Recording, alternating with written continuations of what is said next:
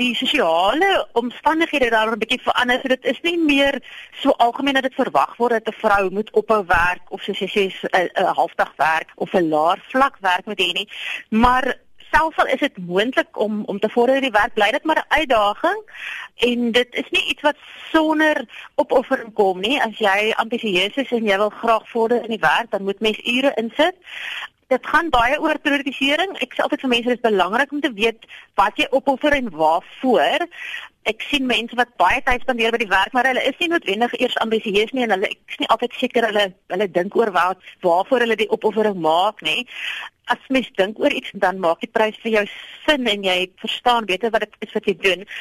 Maar ek dink dit is dan belangrik vir 'n vrou om ook baie goed te prioritiseer en om nie skaam te wees om te vra vir hulp en hulp in te kry nie. As jy 'n goeie huishoudster of 'n peer of iemand kan kry om na jou kinders te kyk, dan reflekteer dit nie swak op 'n ma nie.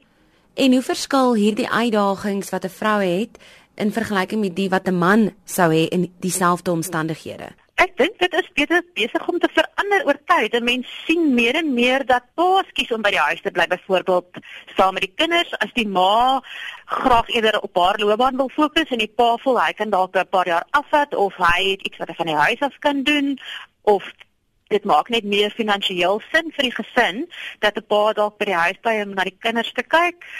En selfs wanneer albei die ouers werk, kan ek ook agterkom met my kollegas by die werk en vriende en familie dat die manier waarop 'n pa deesdae deel is van die versorging van 'n kind van baba daar af is baie anders as wat dit 20 30 jaar terug was. Pa span ook maar op in die nag saam met die ma, maak maar beurte as albei moet werk. Pa is net so handig met doeke omruil en al die versorging elemente van van babas. So ek dink dit het die tradisionele skeiding van die rolle en wie doen wat dink ek is het, het alreeds baie verander en is ook besig om steeds baie te verander.